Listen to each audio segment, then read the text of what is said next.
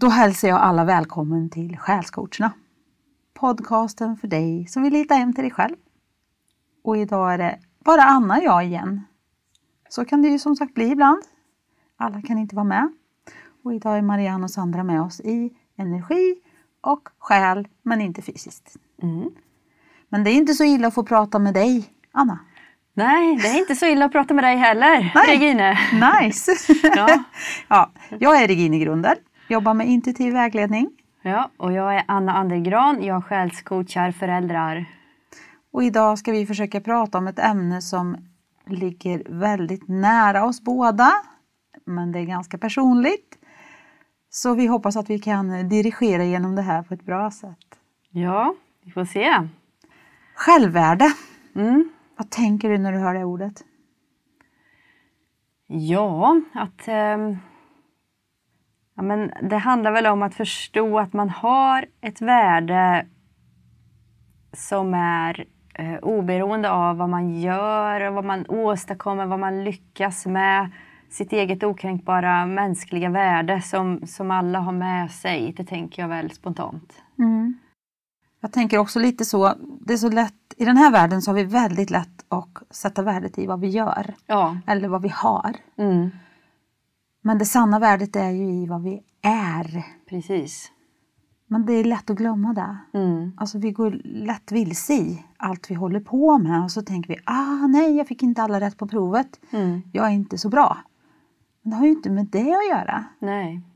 För det är ju någon slags prestation. Alltså, Mm, men vi har ju ett värde oavsett prestation. ja.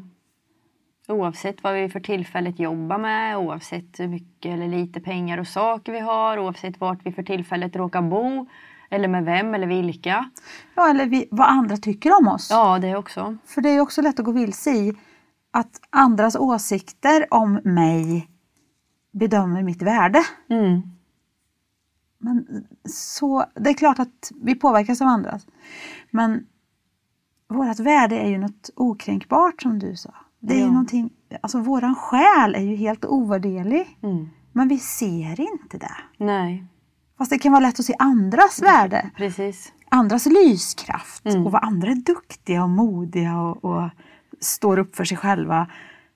Man ser inte sig själv. Nej, det är ju så. Och hur man, hur man ses av andra och, och värderas av andra och så vidare. Det kan ju skifta väldigt under ett liv. Man kan ju vara på topp och firad i en period och, och känna sig på botten och föraktad i en annan del av sitt liv.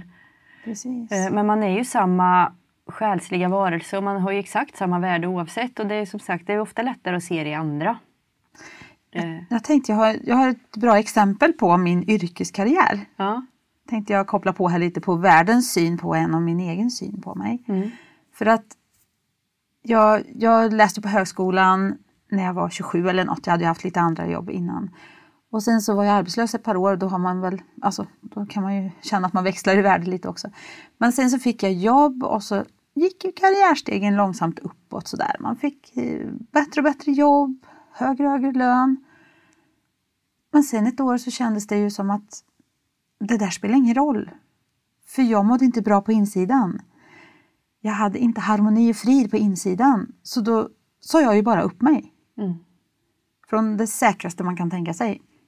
Och hoppa rätt ut i det okända och hade ingenting. Mm. Så i världens ögon i det ögonblicket så var jag ju en fullständig idiot.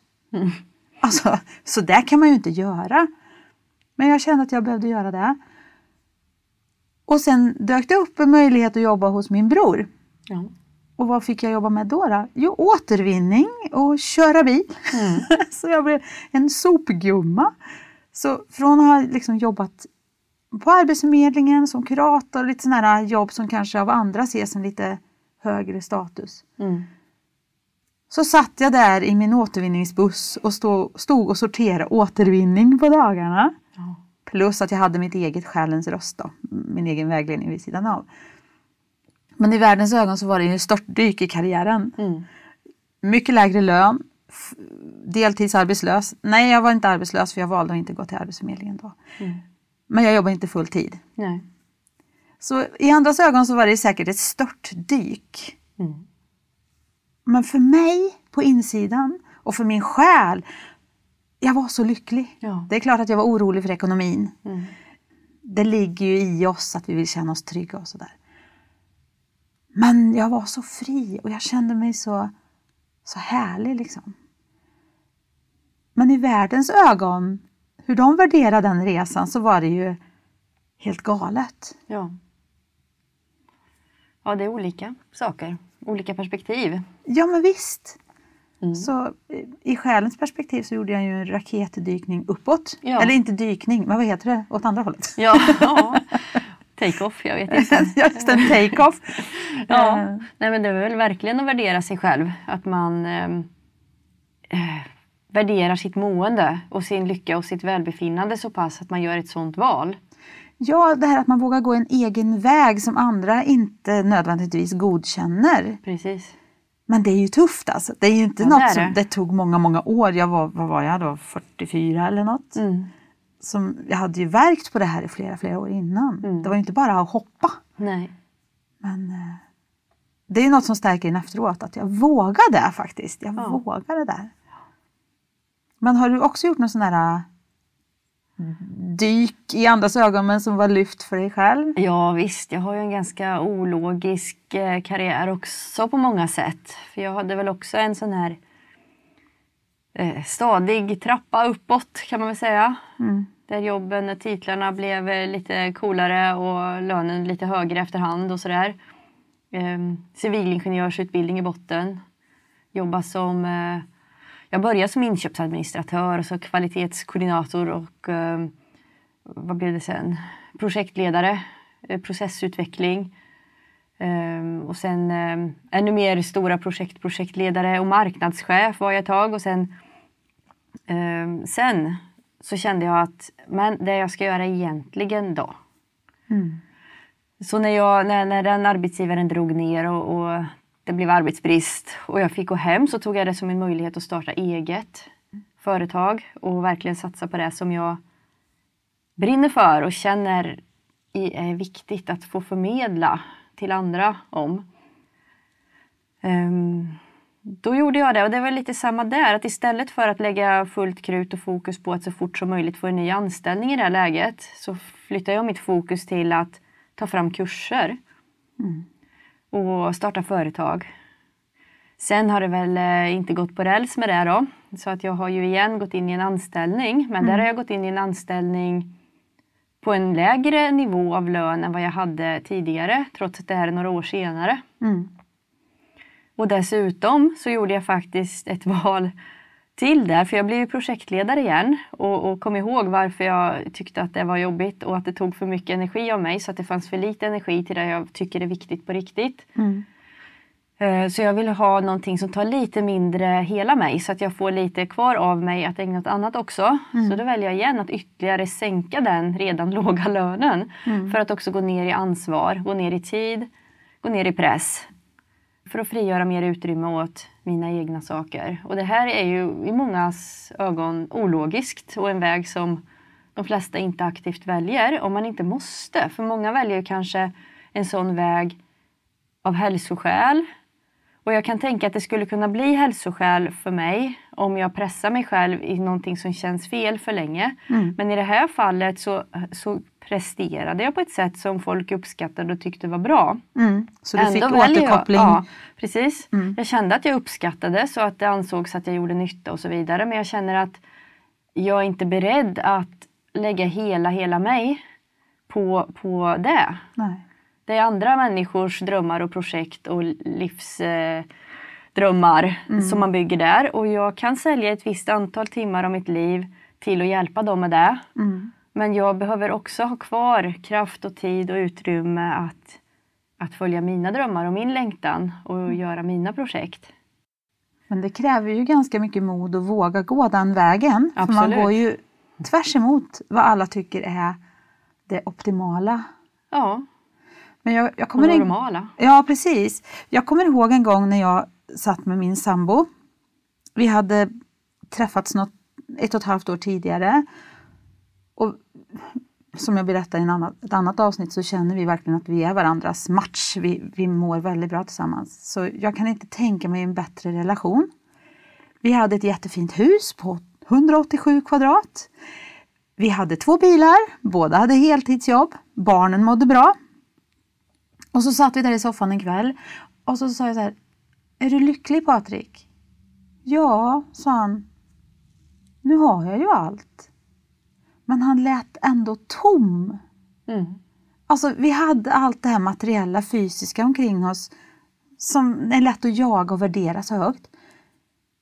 Men det var ändå något som saknades och vi hade dessutom den här relationen som vi båda hade längtat efter hela livet. Mm. Alltså, kärleken räckte inte. Tryggheten, den materiella tryggheten räckte inte.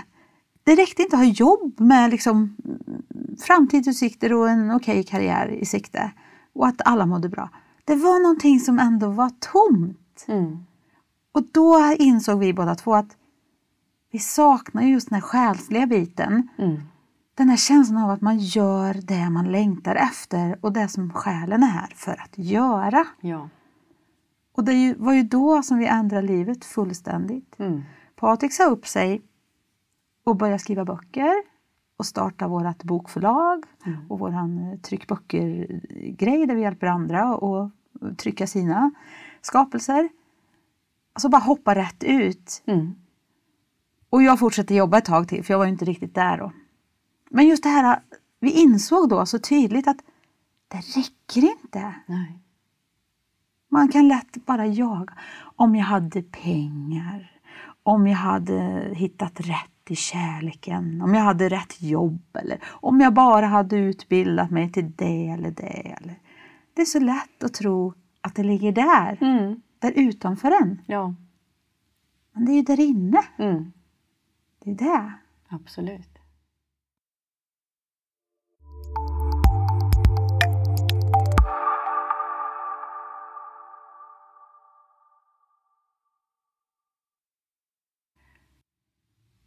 Trots allt det här som jag tycker att jag har gjort för att värdera mig själv Mm.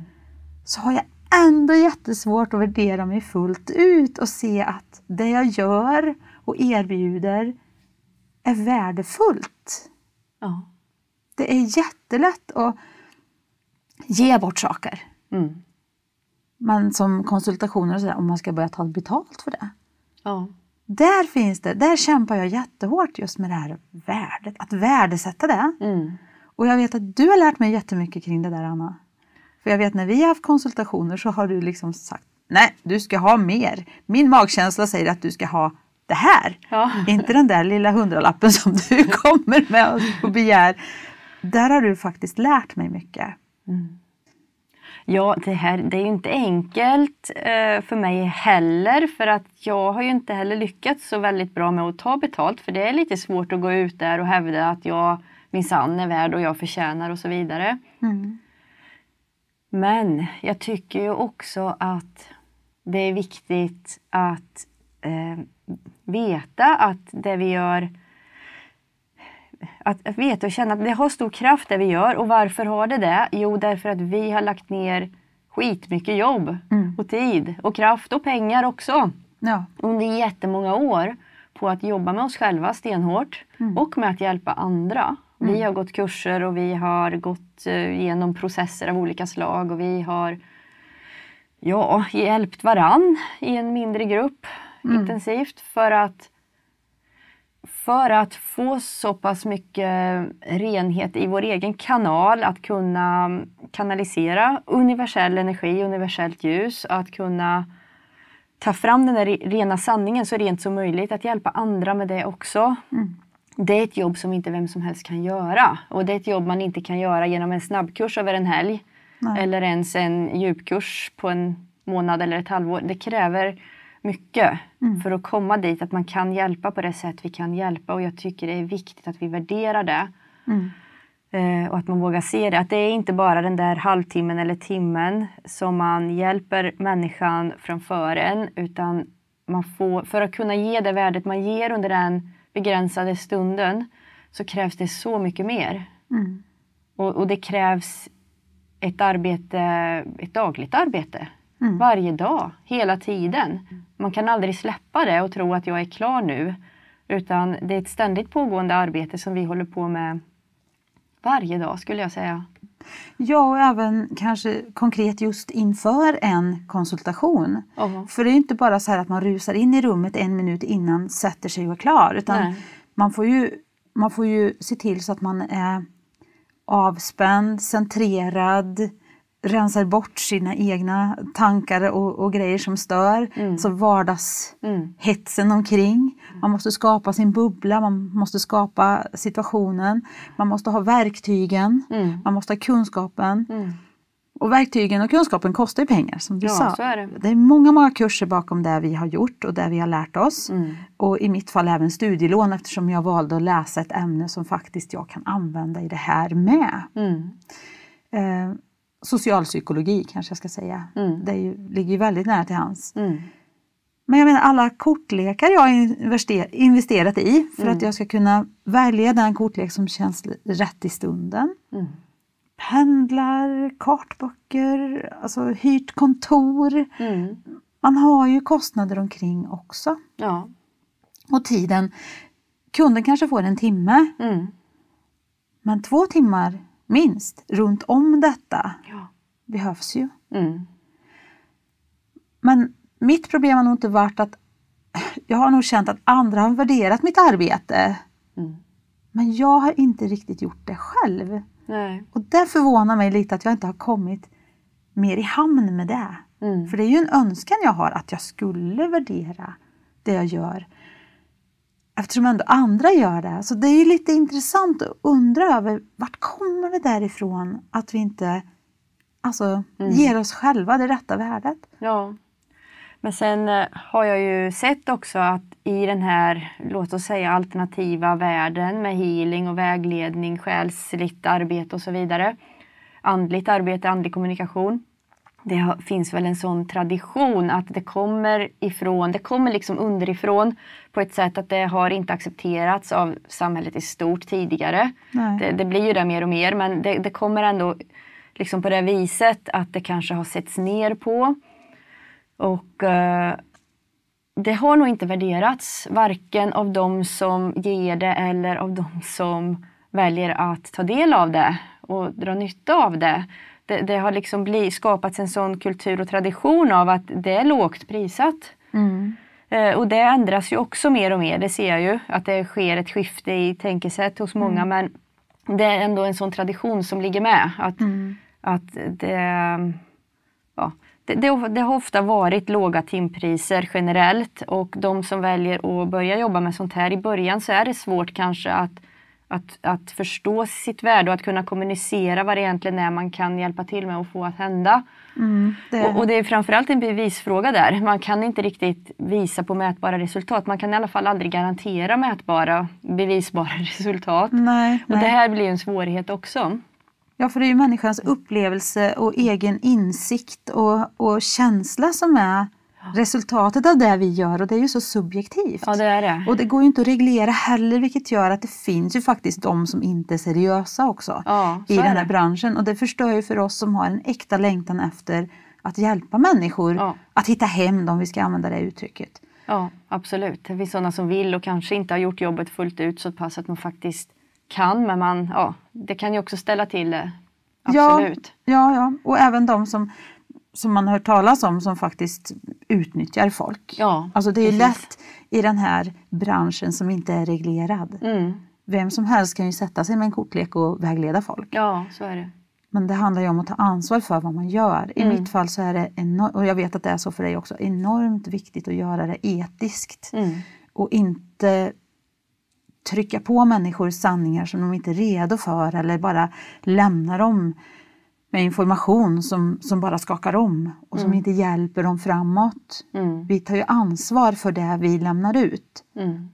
Och att det inte bara är ett, att man ska bevisa att det funkar. Liksom. Nej. Se här vad jag kan. Alltså, jag kan lägga ett kort och så säger jag saker som stämmer om dig. Det hjälper ju ingen. Mm. Nej. Utan det handlar ju om att hjälpa den personen att hitta någonting i sig. Ja, En insikt, precis. ett mervärde som de kan gå ut genom dörren och känna att nu förstår jag mig själv lite bättre. Mm. Och den målsättningen har ju vi. Mm. Men det är lätt att gå in i egot när man gör sådana saker. Mm. Och att man ska bevisa. Mm. Alltså, ja, jo men jag kan tala om vad ska, som ska hända dig om tre månader. Och så gör man det utan att värdera, är det meningen att den här personen ska ha den här informationen Mm. överhuvudtaget? Är det hjälpsamt? Ja, leder det framåt? Ja, precis.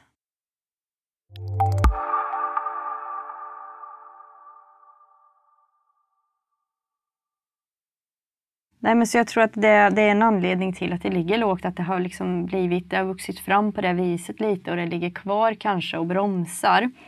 Ehm, och, men just därför också att det finns en sån flora av allt möjligt utbud på alla möjliga nivåer så kan det också vara så att den som tar emot det här behöver ju också värdera sig själv och sitt eget värde. Och, och tänka att man inte, alltså visst det är jättefint med, med all den här gratis healing och sånt som också finns tillgängligt och vi erbjuder ju faktiskt det också. Ja. Och, och det, det är ju fint att det finns och man kan ta, ta del av det. Eh, men ibland kanske man också behöver eh, gå djupare med individuell hjälp, det som man själv unikt behöver för sig själv. Att man, så. Och då, då gäller det ju, är man beredd att investera i sig själv. Hur värderar man sin egen utveckling och sin eget, sitt eget själsliga mående? Mm. Är man beredd att lägga pengar på det? Så, så som man är beredd att lägga pengar. Pengar är ju energi. Mm. Det är ett energiutbyte. Vad, vad, när man väljer att lägga pengar på någonting så investerar man av sin energi i någonting. Så vad är det som människor liksom väljer att investera sin energi i? Och vad, vad är det som har ett värde egentligen? Eh, har ett värde, sin egen personliga utveckling och sin, sitt mående och sin själsliga väg. Är det värt att investera i det? Eh, eller är det mer värt att investera i ytterligare kläder, en, en hårklippning till, en till pryl, ännu En spahelg eller vad, vad det nu är. Mm. Eller fest kanske. Ja, ja, ja. Eh, Och det är ju olika, man måste få värdera olika naturligtvis. Men jag, jag vill ju ändå att när, när de kommer till mig och jag tar tid ifrån min familj och ifrån andra delar av mitt liv till att vara här och hjälpa en annan människa så vill jag ju att den människan verkligen ska vilja Mm. Också bli hjälpt. Att den har bestämt sig, att den har tagit ett beslut att nu är jag redo att ta ansvar för mig själv och min väg och mitt liv. Nu vill jag liksom ta den här hjälpen. Mm. Och, och det vet jag ju att om, om jag tar en rimlig timpeng så krävs det ett aktivt och medvetet beslut att jo, nu är jag redo, nu tänker jag ta det här steget. Om jag ger bort mina sessioner då kan man ju göra det liksom på kul. Mm. Eller för att vara snäll och visa intresse för mig eller någonting. Det blir inte samma engagemang när man Nej. inte betalar för det. Precis, eller om det är väldigt lågt. Lågt Så kan man, det vara något man bara gör i förbifarten utan att riktigt ha tänkt igenom det.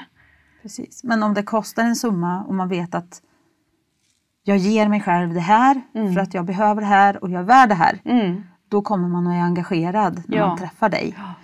För så där, det upplever jag också. För vi har ju den här månadsbalanseringen då, Mm. som vi ger ut gratis. Ja. Där vem som helst kan anmäla sig till oss och så skickar vi energi Mm. den tredje fredagen varje månad. Ja.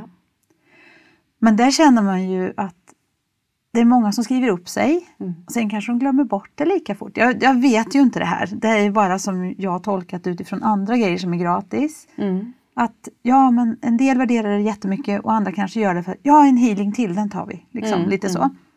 Men hade det kostat 500 kronor att vara med, Mm. då hade varenda en suttit klockan sex den tredje fredagen i månaden och verkligen aktivt tagit emot. Ja.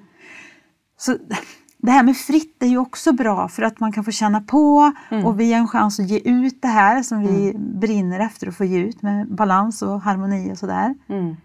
Och det är ett sätt att också få ett större kontaktnät förstås. Ja. Så det är ju värden i det med. Mm. Men jag vet ju själv med mig att om jag betalar en summa för någonting Mm. då är jag ju mer engagerad Absolut. än om det är gratis. Mm. Alltså så, Så funkar det. jag. Ja. Det är ju det här med värde också.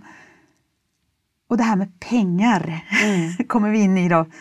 Det är ju en riktig luddig djungel också men pengar är ju ändå ett sätt att värdesätta en sak. Ja, det är ju så. Det är ju så världen funkar. Mm. Det är att jorda det också. Att, eh, Mm. eh, det är väl den jordiska eh, materiella energiutbytningssystem vi har liksom, för att Ja, för pengarna är ju ett sätt, jag får pengar för min tid kan Ja. man säga. Mm. Och engagemang och allt det här som vi pratar om som man har med sig i bakgrunden när man träffar en person. Mm.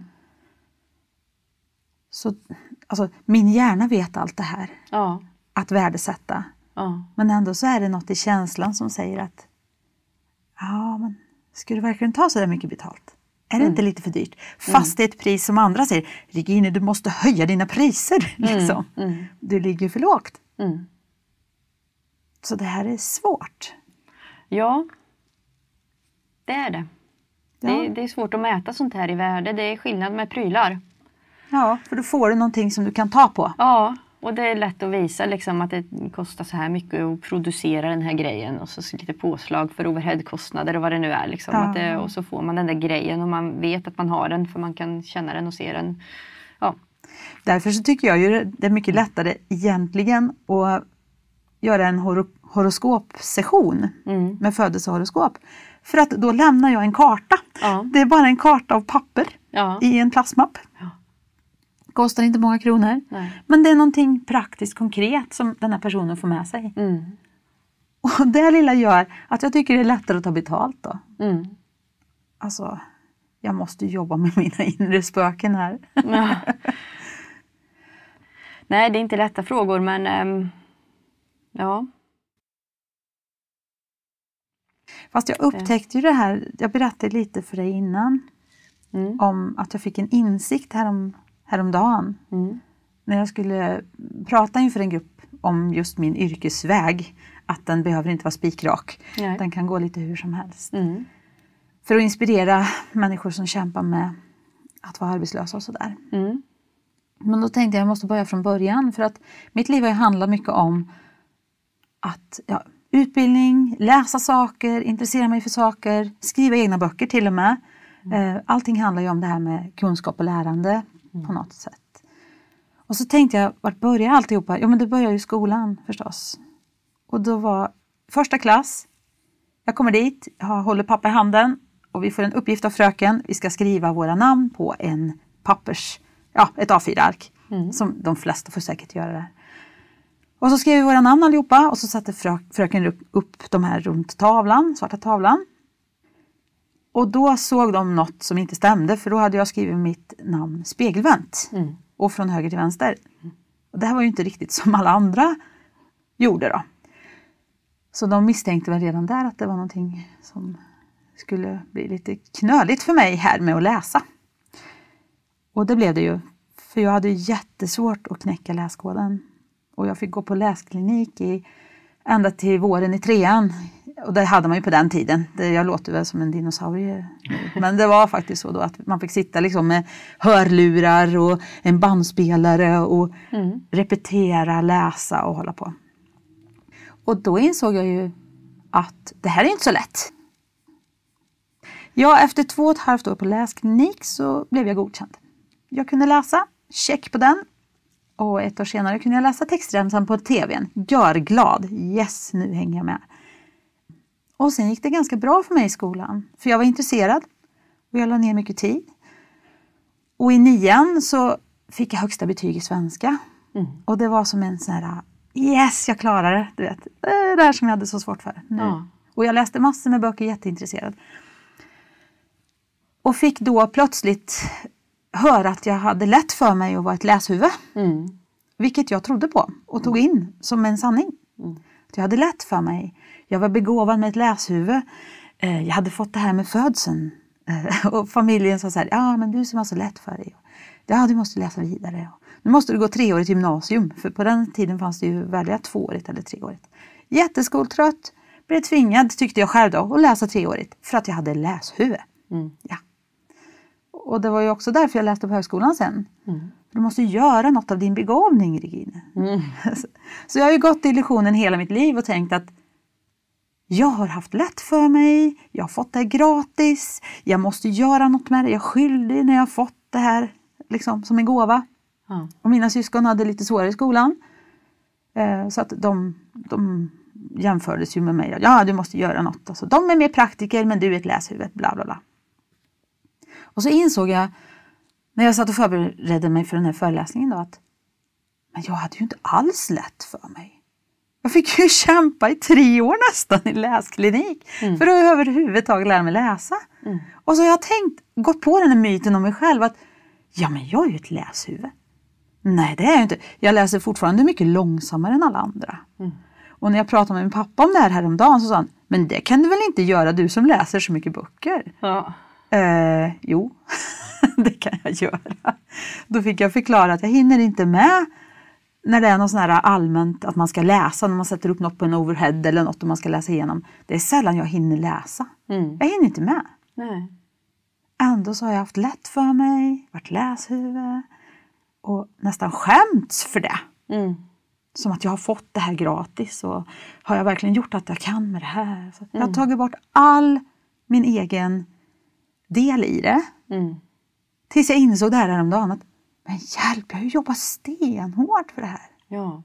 Jag har ju slitit mycket mer än många andra behövde göra för att lära sig läsa och sådär. Ja. Och så jag bara tagit bort det från mig och sagt att nej men det är något jag har fått. Mm.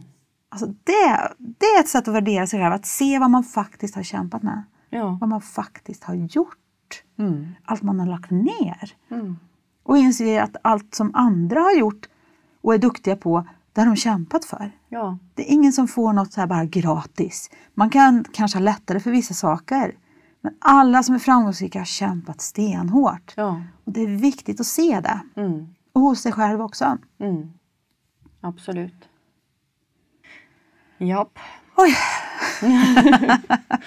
Blir engagerat där. Ja, ja, men det är viktigt. Viktig insikt. Ja, jag känner det också. Jag tror att det är många som inte ser vad de faktiskt gör Nej. som är värdefullt.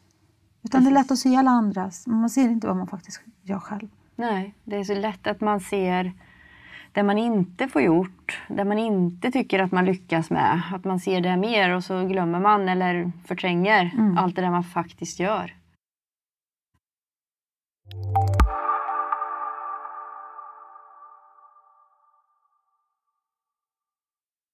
Men hur ska man komma vidare på den här vägen och börja värdera sig själv lite högre och lite mer? Alltså, jag menar inte att man ska gå omkring som någon slags eh, tupp och skryta med allt man gör och kan. Utan jag menar det här inre värdet av att man gör sitt bästa, man är okej som man är, man har förtjänat det som man har uppnått. Precis. Nej, det, det är ju inget att sträva efter det här egoupplåstheten och att liksom sätta upp massa diplom och tycka att titta vad duktig jag är som har det här och det här och det här på det här viset. Men det handlar väl just om den där inre djupa känslan av att jag gör mitt bästa och jag är bra Mm. som jag är. Och ja, i all min strävan och så vidare så, så, så, så har jag ett värde. Och hur når man det? Ja, Men kanske en tacksamhet att man inte har gett upp. För som vi sa i början så handlar det inte om prestation utan den man är. mm, Och att jag är en person som följer min längtan mm, och som inte ger upp vid första bästa motstånd utan att Ja. fortsätter kämpa och sträva. mm, Att man låter sin livsvilja vara där mm, och att själen får vara med och pusha på liksom. Och säga heja, heja, kör. Och att man har drivet på något sätt. inifrån. Ja, Att man, ja, det handlar ju om det där att, att landa i sitt innersta på något vis och göra allt det där man gör och strävar efter. Att göra det från den där platsen i ens inre Mm. och inte i syfte att, att visa upp någonting för världen. Inte i syfte att visa hur duktig man är eller bevisa något som du sa tidigare. Ehm, ja, inte det där yttre prålet liksom. Att, att, Nej. att man vill se ut eller framstå på något särskilt sätt i andras ögon utan att man är nära sig själv och det man känner är viktigt och att man kan agera utifrån det. Att jag tror det, det, det, det är viktigt för mig i alla fall att känna att jag är, är nära mig själv och sann mot mig själv och värdera det som, alltså agera på det som jag värderar Mm. där inne. och att det är bra att bara vara. Ja, också. Att man inte måste vara på ett speciellt sätt, se ut på ett speciellt sätt. Det är så många som slår på sig själva för att de inte är tillräckligt smala eller tillräckligt eh, kurviga eller att de eh, si eller så. Eller, så vi har så lätt att, att värdera oss själva utifrån något ideal när det bara handlar om att vi ska vara. Mm. Alltså jag är. Och det Mm. räcker Mm. på något sätt. Absolut. Men i den här världen så är det en utmaning faktiskt. Ja, men det är ju det. Ja. Alltså jag tänkte vi kanske kunde avsluta med ett väldigt bra citat som jag har fått till mig. Alltså det är någon som har sagt det men jag kommer inte ihåg vem det är. Det är på engelska och det är det här What other people think of me is none of my business. Ja. Den tycker jag är bra. Ja. Den säger så mycket. Vad andra tänker om mig har inte jag med att göra. Nej. Det är deras. Ja. Vad jag tänker om mig, det ska jag bry mig om. Mm. Absolut. Ja du Anna, det här skulle Ja. vi kunna prata om hela natten tror jag. Men Säkert. det finns så mycket, mycket viktigt i det här. Ja, det är ju så. Ja, det viktiga är väl att man när, man... när man är nära sig själv och följer sin egen väg så då blir det också mindre viktigt vad andra tycker för då, då vet man att man är på sin egen rätta väg. Mm. Eh, Det är när man, när man försöker leva upp till andras förväntningar och så blir man ändå inte godkänd. Mm. Då hamnar man ju i ett jobbigt läge. Mm. Då är det svårt att må bra. Mm. Och det kan vara svårt att känna sitt eget värde också. Ja. Om man strävar efter andras eh, ris, nej ros menar jag. andras eh, cred, andras eh, bekräftelse på ett värde liksom. Och så strävar man efter det. Då kanske man får det ibland. Och så rätt vad det är så får man inte det. Nej. När man istället får ris då. Mm. Ja, då, då, då är det svårt om man inte har den där kontakten med sig själv och vet. Eh, och känner sig själv. Liksom känner att jag är den jag behöver vara. Mm. Mitt värde är okränkbart. Och utifrån det så kan jag göra det jag vill. Det jag längtar efter, det som jag känner kallar på mig. Det kan jag ägna mig åt. Och då kommer en del att gilla det och andra inte. Mm. Och det är okej. För om man har värdet på insidan, Mm. då kan man möta det där på utsidan på ett Ja. helt annat sätt. Men lägger man värdet på utsidan, då är man verkligen en vindflöjel. Då är, det, Ja. då, då är man helt i andras våld. Mm. Så har man makten över sitt eget liv genom att man faktiskt har sin, sitt centrum på insidan, sitt upp, uppmärksamhetscentrum på insidan. Ja. Så är det lättare att stå upp när det blåser. Absolut. Mm. Vilket intressant samtal Anna! Ja, verkligen. Tack så mycket. Ja men tack själv! Kommer åter om 14 dagar då. Ja, det gör vi. Förhoppningsvis med de andra två på plats också. Ja, det hoppas vi. Tack för att ni har lyssnat. Tack. Hej, hej. Hej då!